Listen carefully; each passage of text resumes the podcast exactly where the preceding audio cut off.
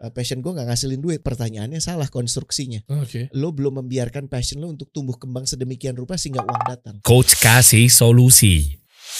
Coach Rene. Dari berat kali ini. Waduh, ngeri, ngeri, ngeri. Tapi gue jadi teringat ada satu temen ngomong tuh nggak Hmm, bagus banget deh. kenapa tuh? Namanya Dewi Sandra. Oh iya, Tahu nggak dia bilang apa? bilang apa?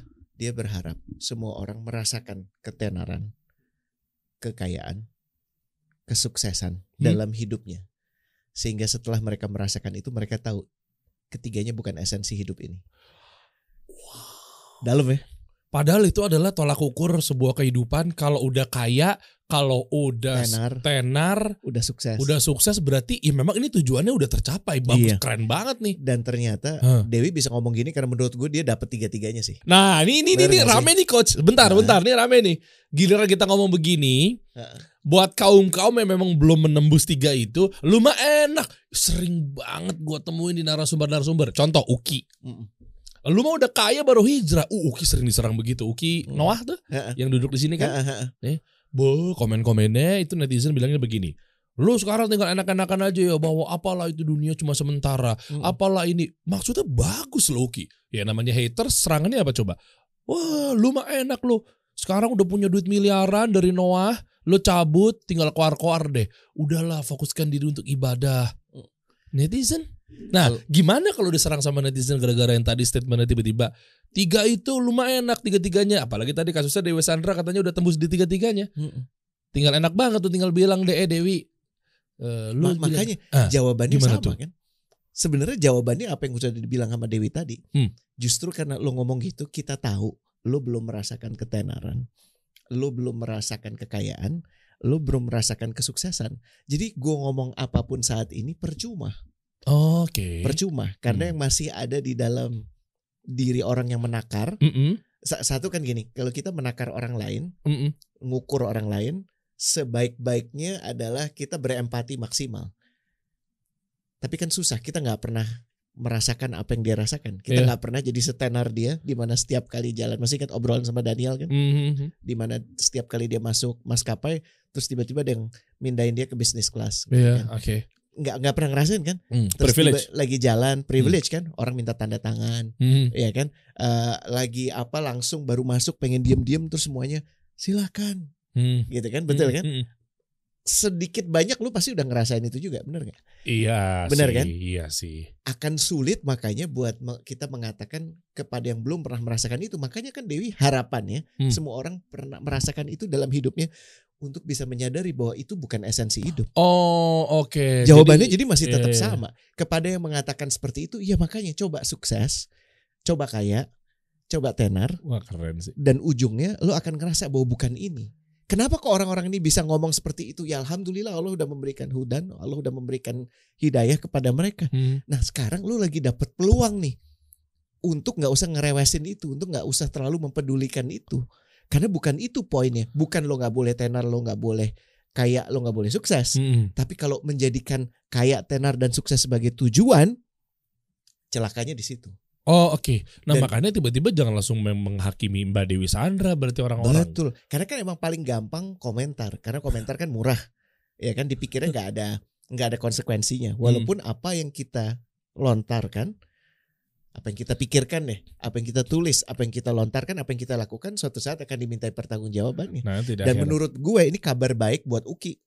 Hmm. Karena ada orang-orang yang ngomong kayak begitu, kabar baik sih sebenarnya. apa tuh? Ya kan secara umum dia dimudahkan. Ya kan kalau kalau kalau nanti di saat kenapa lo ngomong gitu, Ukinya nggak ridho, Oh, iya. ya kan esensinya tinggal berapa banyak eh, orang itu mau berbagi kebaikannya ke Uki atau berapa banyak orang itu mau ngambil keburukannya Uki kan jadi sebenarnya Nah. baik Eh. gitu cuman obrolan kita ini kan masih dalam konteks lanjutan dari yang sebelumnya bicara soal confidence Hmm. eh, kerap ujungnya ternyata memiliki purpose of life. Masih kita yang kita obrolin kemarin orang Hmm. yang confidence itu dia jalan sendirian juga nggak masalah, Hmm. rame-rame nggak masalah, Iya. karena dia nggak terganggu dengan apa yang disampaikan oleh siapa pun di sekeliling dia. Iya. Dia udah sangat fokus mencari apa yang sudah diniat yang yang sudah dia niatkan dan apa yang dia niatkan itu sejalan dengan apa yang Allah inginkan dari dia gitu. Itu kan indahnya Iya. kayak gitu ya. Ya, Jadi, oke. Purpose itu udah sering kali dipersamakan kan dengan destiny betul ya. Tujuan emang sebenarnya lebih dari itu, lebih dalam. Destiny apa menurut lo? Kalau diterjemahkan celakanya tujuan sih ya. Iya, Ya kan destination kan Iya, tujuannya. huh, huh. Tapi menarik nih Dar, destiny itu kata dasarnya dari Latin. Destinare. Oh gitu. Ha, destinare itu nggak artinya apa? Apa? To make firm. To make firm itu artinya untuk yakin. Lo kok Menarik ya. Oh, oh, oh, oh, oke. To make firm itu artinya untuk yakin. Jadi destiny pada saat orang ngomong tujuan, tujuan disebut tujuan karena mustinya dengan menyebut tujuan lo akan lebih yakin lo mau ke mana. Oh, Tapi ternyata yang lebih mendasar lagi bukan lo tahu mau ke mana. Lebih mendasar dari itu lo paham lo di mana sekarang uh-huh. dan arah lo bagaimana. oh Karena itu. pada saat lo udah ada di arah yang benar, you're fine. Bukankah pencipta kita juga mengarahkan ihdinas siratal mustaqim. Iya. Sirot.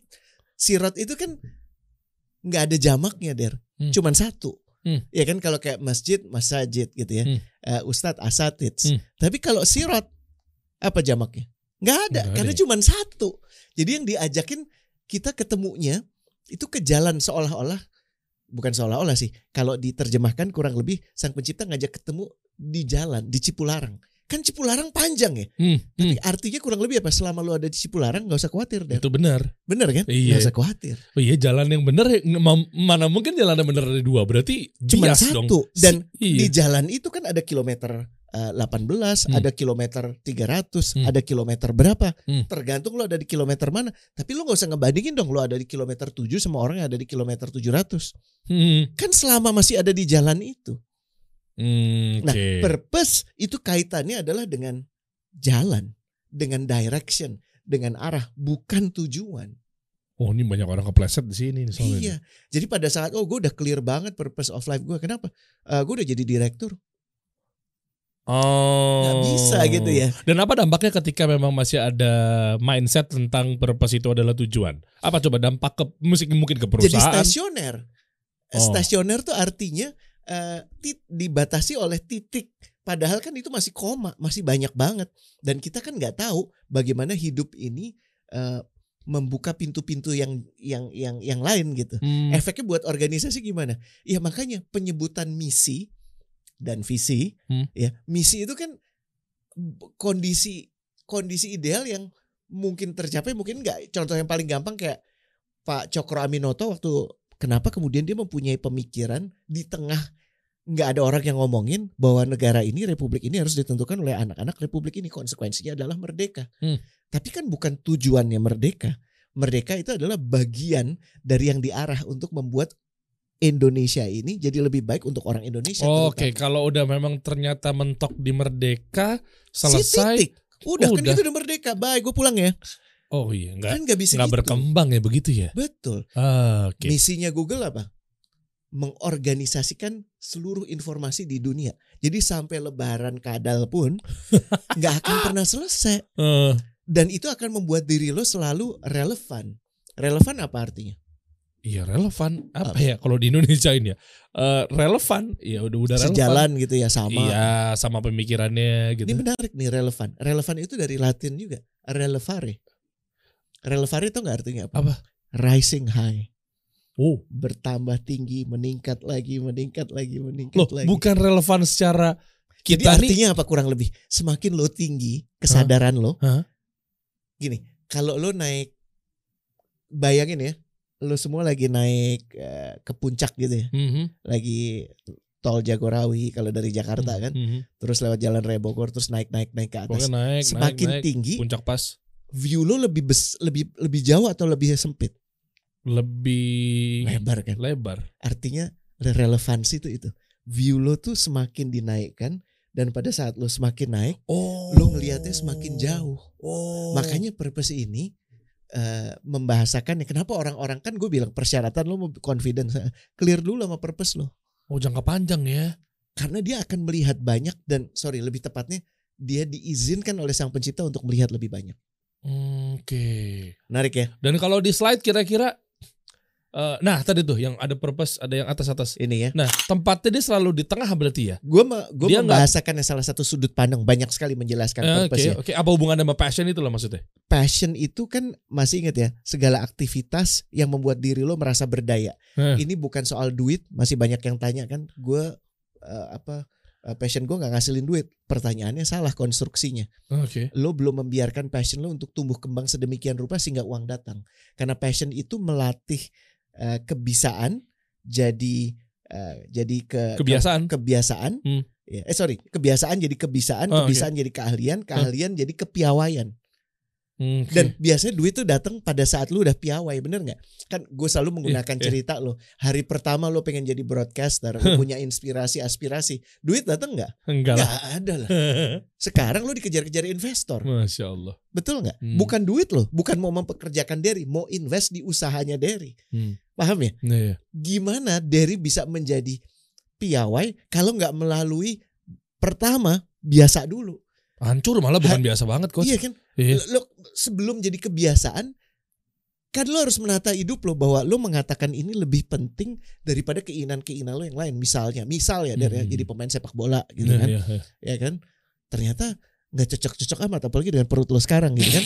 Atau eh, ngeband ada ada band apa ya? Ah, udah udah lewat itu masanya ada coach. band ya. Udah lewat itu. Ada kan? Mm-mm. Tapi kan ada satu masa di mana lo harus memilih antara keinginan-keinginan dan mana yang lo bilang oh ini bukan keinginan karena pada saat gue jalanin ini gue banget Hmm, Paham kan? Iya, iya, iya, dan iya, pada iya. saat lo ngejalanin itu kemudian eh, kebiasaan jadi kebiasaan kebiasaan jadi kepiawa keahlian keahlian jadi kepiawaian itu passion Udah. perjalanan passion Duit tuh ngikut. Jadi jangan langsung dipatahin. Ah gue nggak cocok kerja kayak gini. Nggak ya cocok. karena Nggak lo sesuai dengan passion gue. nah, itu mudah sekali pekerjaan sendiri sering dipersamakan dengan passion padahal bukan seperti itu kita Padahal tahu ya Iya, iya. lo bisa mendefinisikan pekerjaan lo lo masih tetap sekarang broadcast tapi di luar itu lo melatih orang juga untuk broadcast Wah, dan oke. lebih penting dari itu lo melihat kebutuhan dunia lihat? Iya. needs of the world itu kebutuhan dunia Iya. apa ya oh banyak orang yang hijrah banyak orang yang mengaku muslim dan dia ingin menjalankan sesuai apa yang digariskan oleh agamanya tapi gimana ya mereka bisa dapat market yang baik ya gimana ya mereka supaya nggak berbantah-bantahan kasih solusi muncul Hmm. karena ada kebutuhan dunia purpose lo itu di situ Ah. purpose itu harus di backing, harus diimbangi oleh kepiawaian. Dan cara kepiawaian yang paling goks itu adalah passion. Karena kepiawaian itu ya chapter nomor 5. Chapter satunya yaitu aktivitas yang member- membuat lo di- membuat diri lo merasa berdaya itu passion. Makanya Jadinya kesinambungannya begini ya. Heeh. Jadi purpose itu ada passionnya dan nanti juga ada untuk visi atau misi mengubah kebutuhan dunia. kebutuhan nah, lucunya dunia. sekarang gue ingin jadi orang yang berdampak pada dunia. Hmm. Keren. Itu kan banyak anak-anak muda ya. Tahu. Eh, misi saya menjadi berimpact pada dunia. ya movement movement gitulah. Tapi terus ditanya impact apa ya? Masih mikir-mikir. Nah, mendefinisikan needs of the world aja nggak dapet. Terus ditanya yang lagi, kepiawaian lo apa? Nggak ada. Oh, Oke. Kenapa gue cuma sedang bikin gerakan aja? lah, bikin gerakan itu kan alat. Lah Hmm. kalau lo akhirnya menjadikan jadi bikin gerakan itu tujuan, akhirnya gerakan itu komunitas itu cuman untuk memelihara ego lo, Ya Allah. bukan purpose yang lo dapet, ego. bukan passion yang lo dapatkan untuk jadi kepiawaian, tapi lo jadi semakin bosi. Dan akhirnya lo hanya akan bertahan dengan orang-orang yang merasa diuntungkan dengan keberadaan lo Wah, dan bahaya. ujungnya ya itu kayak ulir yang semakin turun. Lo nggak sadar lo nggak lihat. Tapi ujung-ujung kok nggak ada yang mau berteman sama gue ya kok gini-gini aja ya Hmm, Paham ya? Iya. nah makanya confidence itu dapetnya dari mana ya dari purpose jadi salah satu cara menjelaskannya lewat passion ini ya Oke, Dan- ya ya ya ya ya. ini baru satu nih Baru satu ya. Baru Coba satu. coba next next. poin keduanya adalah ini masih Hmm. ingat yang di bawah tuh journey of passion lihat nggak biasa Hmm. bisa Mm-mm. ahli piawai Iya. itu journey of passionnya nah yang biru der Aha. itu journey of purpose journey of purpose itu maksudnya gimana masih ingat yang tadi gue bilang ya der ya Hmm. Orang yang pertama kali dia kejar itu pasti output dari dari tadi yang nggak bisa siaran yang penting outputnya siaran dulu deh Iya. der siaran dulu der. Iya kan Hah. sehari sepekan sebulan tiga bulan akhirnya output dari tadinya lu cuman lu mesti mikir panjang besok itu gue mesti siaran mesti nyiapin apa semakin jadi otomatis Hmm. semakin jadi kayak ada kalau Profesor Reynolds bilang ada muscle memorinya. Uh. Lo udah nggak cuman eh, itu esensi hikmah. Hmm. Lo lo nggak cuman baca dari program director gitu ya gue mesti ngomong apa di penggalan ini penggalan itu lo udah secara intuitif tahu lo mesti ngomong apa betul nggak Iya, betul nggak iya, iya. artinya lo udah nggak bicara Nah. output Itu tuh gue sering rasain deh coach kayak gitu-gitu. iya Sering kayak apa menang tua. Tahu gak sih istilah kayak gitu ya? menang tua emang tapi Iya. di sisi lain bukan cuma sembarang tua kalau lo tua tapi nggak melatih apa-apa Sama aja ya. sama aja Oke. gue misalnya dulu nggak pernah diajak untuk siaran pada saat pertama gue lo ajak kemari nggak akan sama dengan sekarang ini Hmm. karena gue nggak pernah punya exposure ke siaran sebelumnya Nah, kan ya. waktu itu udah pernah dari tahun 2000 Tujuh. Eh. 2007 Ya, tujuh kan? sampai 2013 Hmm. iya kan Iya. itu lumayan masih kebina sampai sekarang Iya. dan itu yang membantu gue untuk nggak cuman mikirnya output kalau output tuh eh, oke gue lo sama gue di TV ini ya kita bikin dulu ya satu season 30 episode deh Hmm. itu output kan Iya. bicaranya tuh ranahnya masih output Iya. tapi secara nggak sadar pada saat lo menjadi semakin piawai apa yang lo omongin efek siaran gue apa ya Oh, dan akhirnya orang akan gini meaningnya. kok nggak ada Derry ya? mana Derry masih udah ada impact Iya, kenapa iya, karena dia ngerasa adanya Derry buat gue, gue lebih seneng aja karena ada suara yang gue udah familiar. Iya. Udah Itu di level impact. meaningful juga ya. Ah itu di atasnya Der. Oke. Meaning Nah itu itu. makna buat lo. Jadi lo siaran itu bukan untuk menggugurkan kewajiban lagi. Hmm. Lo merasakan di siaran itu kayak yang gue rasakan dan gue sampaikan ke lo Der. Satu hal yang gue bersyukur lo ajak gue kasih solusi. Ada rasa kangen yang hilang dan terpenuhi. Ah, Oke. Ya ya ya. Rasa kangen yang hilang dan terpenuhi. Hmm. Dan ini nggak bisa diganjar oleh uang. Oh ini udah Kenapa? priceless. Karena lo menikmati Hmm. ngobrol sama orangnya cocok, topiknya sesuai, dan kemudian ada yang kemudian memviralkan gitu Ya ya. itu. Kopi di Gandaria Oh, kah, rame. atau uh, meeting di akhir pekan kah, Atau yang ini Itu lagi viral lagi yang apa? Eh eh, Sakaratul Maut. sakaratul maut. Iya, ternyata ternyata feedback dan eh bener juga ya dari output. Biasanya gue kalau selalu merartikan kalau mengartikan kalau di broadcast tuh eh, output, outcome, threshold. Mm-mm. Nah kan kalau bahasanya gitu kan, Mm-mm. sampai akhirnya di titik eh, Udah lebih dari makna. itu. Iya. Makna kalau makna tuh udah gini, lu denger orang siaran, Hmm. ini bukan ngejudge ya, Hmm. tapi lu udah tahu kualitas orang itu.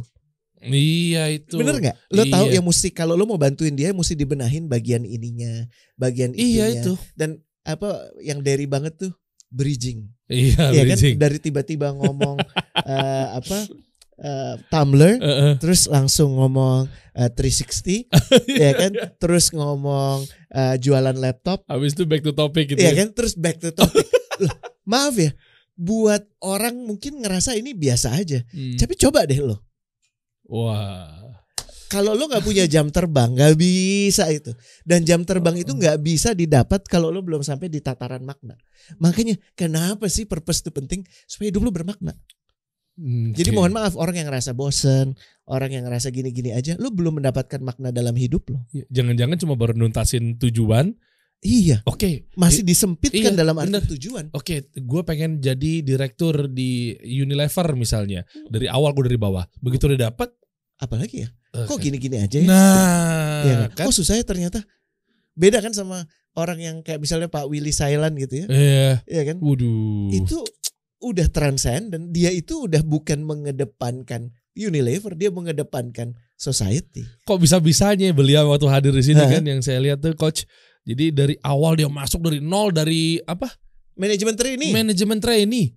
Terus tiba-tiba langsung ke direktur dan akhirnya jadi direktur. direktur. Mm-mm. Di situ kepikiran lagi nggak cuma bayangin teman-teman kalau cuma misinya dituntaskan sesuai dengan purpose, udah oh ya udah gue direktur bekerja aja masuk jam segini pulang jam segini. Tapi beliau sampai mikirin masalah dampak plastik. Oh ke sana ternyata Dampak orang yang kemudian uh, hamil, cuti hamil. iya. Akhirnya sekarang yang diberikan cuti bukan hanya istrinya, Tapi suaminya juga. iya. Sekarang suami harus menemani istri yang Eh. sedang hamil dan melahirkan. Gini, Ush dahsyat. lo akan sampai pada titik ini atau tidak tergantung dari keinginan lo. Karena musuh terbesarnya ya itu tadi mohon maaf ya, namanya Hmm. ego. Iya. Musuh dari purpose itu ego. Kenapa? Akhirnya lo melihat dunia ini menjadi istimewa karena gue. Bu. Gue yang bikin ini. Iya kan? Masih inget kan obrolan tentang Pak Madov ini? Ya udah Hmm. alhamdulillah am- udah meninggal kan dia di dalam penjara karena dia di penjaranya itu 180 tahun kan. 180 tahun. Iya, dia, Kayak gue lupa cerita ini yang mana, Coach? dia bikin skema Ponzi ya selama berpuluh-puluh tahun dia bahkan salah satu pendirinya Nasdaq sempat jadi ini ya Nasdaq tapi sebenarnya yang dia dapat itu uang dari orang dia pakai buat bayar uang yang orang mau keluar Ya karena yang masuk lebih banyak Heeh. ya dia akan terus Ya, gitu. Ponzi. Duh. Terus totalnya tuh kalau nggak salah sekitar eh, selama 30 tahun lebih dia ngadalin orang 50 billion US dollar what? dan dia mendefinisikan hidupnya dengan kekayaannya, dengan reputasinya yang semuanya semu. Dan pada saat ini terbuka selesai kan? Alhamdulillah. Betul kan? Ya, maaf ya saya ngomong terbuka begitu ya. Betul kan? Anda menyesatkan banyak orang. Atau lo eh, hidup kayak bapak ini yang ingin merancang Germania, kota terbesar di Eropa yang tingginya melebihi piramid dome itu, Hmm. namanya Hitler. Oke. Betul nggak? Oke. Dia merasa bahwa yang dia lakukan adalah menyelamatkan eh, bangsa eh, bangsa Jerman. Dan Nazi dia- itu. Iya. Oh. Terus akhirnya sekarang kita tahu kan ini cuma jadi cerita bagaimana mimpi kalau lu cuma mengandalkan mimpi lo Eh. dan mimpi lu mimpi itu tidak di-guide oleh sang pencipta, Oh, Ya. efeknya adalah bikin hancur orang. udah. Atau Iya. lu cuma mau rumah lo eh, beberapa cuma satu petak gini, Hmm. peralatan lo bisa dihitung, ya kan? Hmm. Dan kalau lo tidur, kepala lo dan kaki lo akan nyentuh tembok, Wah. tapi lo mengubah dunia. Ini replika rumahnya Rasulullah. Oh. iya. Iya. Dan gimana lo ngebayang nggak salah satu hadis kan mengatakan namailah barang-barangmu. Hmm. Itu kan ada kandungan yang lebih dalam dari itu, Der. Kalau barang-barang lo lo namain, berapa banyak sih Der barang lo? Paham nggak? Iya. Paham nggak? Eh. Kalau lo sekarang mobil ada 700, gimana lo bisa namain? Pada saat lo naik satu mobil aja ada 699 mobil yang nggak bisa lo nikmati, betul nggak? Kecuali kalau lo pinjamkan untuk kemaslahatan orang lain. Gitu. Eh, eh. Tapi pahami gak sih kenapa kita dianjurkan untuk ngasih nama barang kita? Nih Silvero kalau gue bilang ini kan si uh, ini laptop gue. Kalau gue punya 8 laptop, boro-boro gue mau ngasih nama der. Dan kita kan sekarang hidup di era consumerism dan dikesankan bahwa kalau lo nggak punya ini nggak keren, lo nggak punya ini nggak keren. Jadi cuman terbatas tuh tujuan tuh dilihat keren. Ah ya. Sehingga sa- semakin bahkan men- mempunyai tujuan aja nggak berarti lo punya purpose. Sekarang tujuannya dibikin lebih dangkal lagi. Karena cuman apa yang bisa lo miliki, eh, mana yang lo bisa share di Instagram supaya Instagramable, betul nggak? Iya. Dan akhirnya kita nggak akan pernah bisa merasakan yang namanya makna, nggak bisa merasakan yang namanya meaning. Itu PR besar. Hmm. Makanya kenapa kesulitan kita nggak bisa confident Mhm. karena kita masih belum puguh, belum clear Hmm. soal purpose hidup kita. Wah, ini dalam loh kali ini nih Ya. tentang purpose. Ya, Dan ya. ini urgent. Urgent. Karena sering orang akhirnya didefinisikan sama pekerjaannya. Jadi pada saat lo punya pekerjaan di salah satu uh, startup yang udah gede banget yang sudah decacorn yang yang rata-rata gajinya 118 juta itu dari Hmm, tahu. tahu ya Oh. yang bayar karyawannya 9 triliun tapi pemasukannya 4 triliun tahu ya. Dan kemudian lo kehilangan pekerjaan itu, lo kehilangan dua hal. Pride lo dan yang nomor dua duit. Iya. Dan itu lo merasa segala-galanya. Hmm, karena Gimana banyak tuh? orang traumatik yang tinggi di situ tuh akhirnya setahun, dua tahun, tiga tahun ketika kena layoff gitu kan. Makanya yang Mbak Dewi bilang tadi masih ingat ya? Hmm. Coba deh lo cobain Harapan kayak gitu ya. harapan dia adalah semua orang pernah merasakan kaya, tenar, sukses. Itu. Supaya setelah dia capai, dia menyadari bahwa this not it, bukan ini. Itu mindsetnya bagus sih guys. Kenapa? Karena kalau lo belum nginjak di titik itu, biasanya kerjaan lo cuma nggak semua ya maaf tapi koar-koar. Iya. dia nggak bisa menikmati atau esensi hidup tuh sesungguhnya seperti apa. Yang ada kerja kerjaannya tukang banding bandingin doang lu mah enak lu mah enak lu mah enak gitu kan. Mm. udah di situ. Nah makanya dengan tadi narasi tersebut mbak Dewi bilang mbak Dewi Sandra yang dimaksud teman-teman tadi ya yaitu ya udah lu cobain dulu deh. Bukan masalah lu mah enak ketika lu cobain juga oh iya begini doang nih misalnya. Mm. Ternyata kayak masih ingat ya ungkapan yang sering diajarkan oleh Rasulullah ya. Hmm. Ya, dan bukan ka- eh sorry bahkan oleh Allah. Oke. Ya manusia itu udah dikasih emas satu bukit Uhud Hmm. dia akan ingin bukit kedua Yang bukit kedua. ketiga. Bener gak sih? Parah. Buat apa sih bro? Ya karena itu yang mendefinisikan gue. Kan jadi gue kelihatan lebih keren dengan gue punya ini. Iya lu nggak akan dapat purpose kalau lu masih belum bisa melampaui itu semua. Dan melampaui ini bukan berarti lu harus menjadi seperti itu. Karena banyak juga orang-orang yang sedemikian lurus hidupnya tidak perlu melalui yang tiga itu tadi untuk kemudian sudah menemukan jati dirinya purpose-nya. Tapi rata-rata orang iya dia akan lebih senang jadi komentator. Itu sih gampang buat lo Ki karena lo udah punya miliaran. Itu sih gampang buat lo Dewi karena lo juga udah terkenal. Derry enak lo ngomong kayak gini karena dulu band lo udah moncer gitu kan. Ah.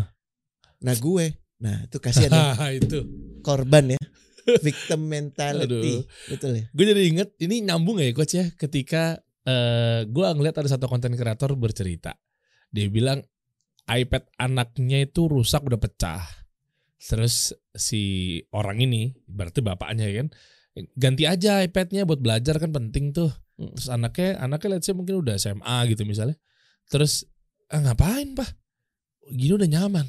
Nah sementara bapaknya masih berpikir bahwa jam Rolex 750 juta gue harus punyain. Karena dulunya dia nggak punya, Nggak punya. itu. Hmm. dan gue nyambung ketika gue dulu tuh misalnya masih kecil pengen punya sepeda pengen punya motor-motoran tuh ngerengnya setengah mati. Marah-marah ngeliat temen punya iri ngeliat temen iri. Sementara sekarang gue udah berkaca bahwa di era sekarang alhamdulillah Allah kasih rezeki gitu ya coach ya bisa beliin anak-anak buat mainan-mainan gitu ya. Sekarang motor-motoran anak gue tuh ya udah dia pakai yang itu terus mainan di rumah. Sampai udah rusak spionnya udah copot motor-motoran pakai aki. Mm-mm. mau diganti lagi dia udah gak tertarik udah gak kesentuh itu aja terus ini main-mainin. Maksudnya gue pikir bahwa ketika orang udah menginjak pencapaian tertentu ternyata dianggap iya oh ternyata biasa aja loh. Iya. Ya, makanya tadi nyambung coba deh lu kaya dulu deh lu lihat nanti menemukan arti kehidupan Dan dan dan ya celakanya gak sih kayak gitu-gitu celakanya gue jadi inget Der. Ini maaf ya, jadi semi pengajian dikit ya. oh iya iya iya gak apa-apa gak Imam apa-apa Syafi'i itu pernah bilang mengerikan sekali ancaman ini, ya. hmm. janji, janji garis miring ancaman. Bagi mereka yang menjauhi ilmu, ilmu yang esensi ya. Salah satu yang dicabut adalah tau nggak? Tiga hal yang dicabut. Tapi salah satu yang gue inget banget. Yang pertama Iya, dicabut tau iya, nggak iya, apa? gue agak-agak lupa nih Perasaan cukup.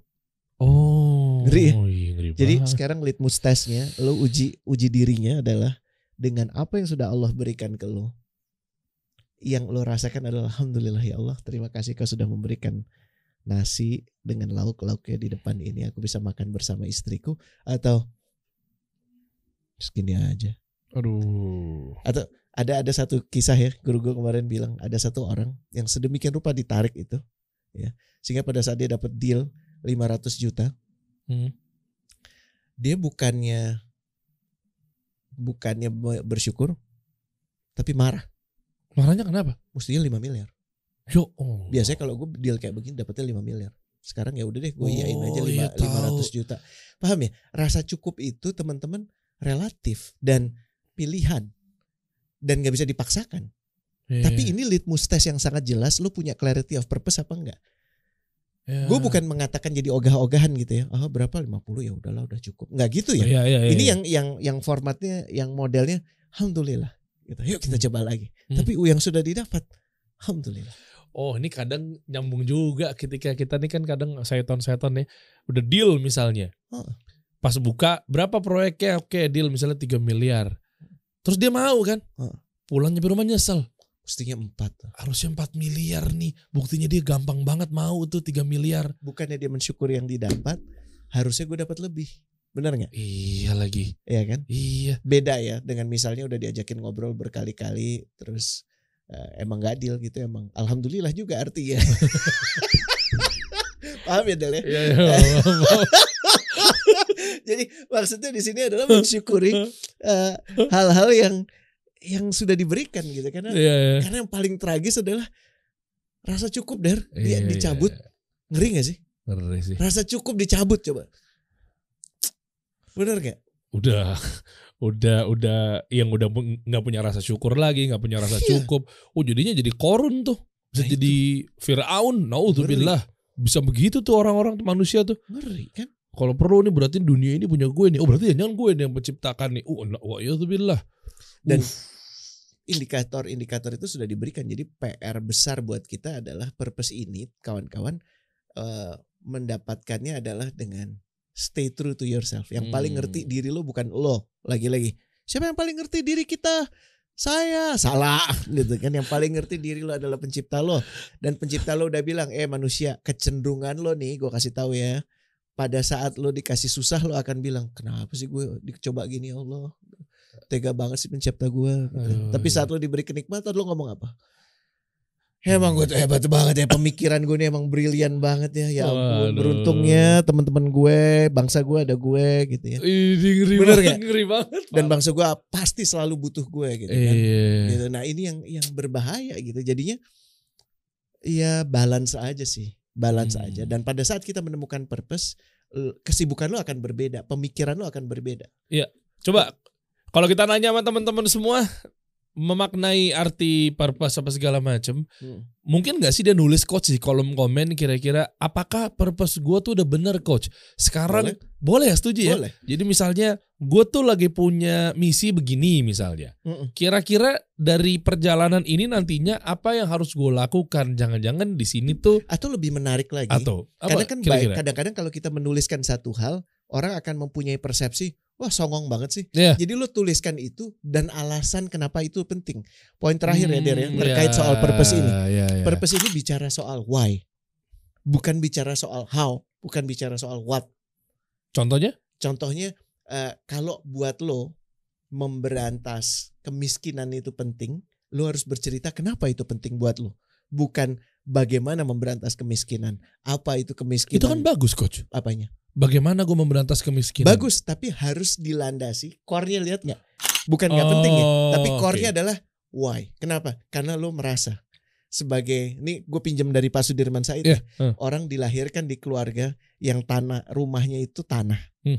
Dan seumur hidup dia dia mengikuti saudara-saudaranya yang lebih mampu. Mm-mm. Dia bisa mendapatkan kesempatan untuk di satu titik bahkan dia dipercaya untuk posisi menteri. Dan begitu banyak hal-hal lain. Dia merasa seluruh orang Indonesia, seluruh anak bangsa Indonesia mesti merasakan itu. Mm. Kesempatan kalau mereka mau, mereka bisa melakukan perubahan.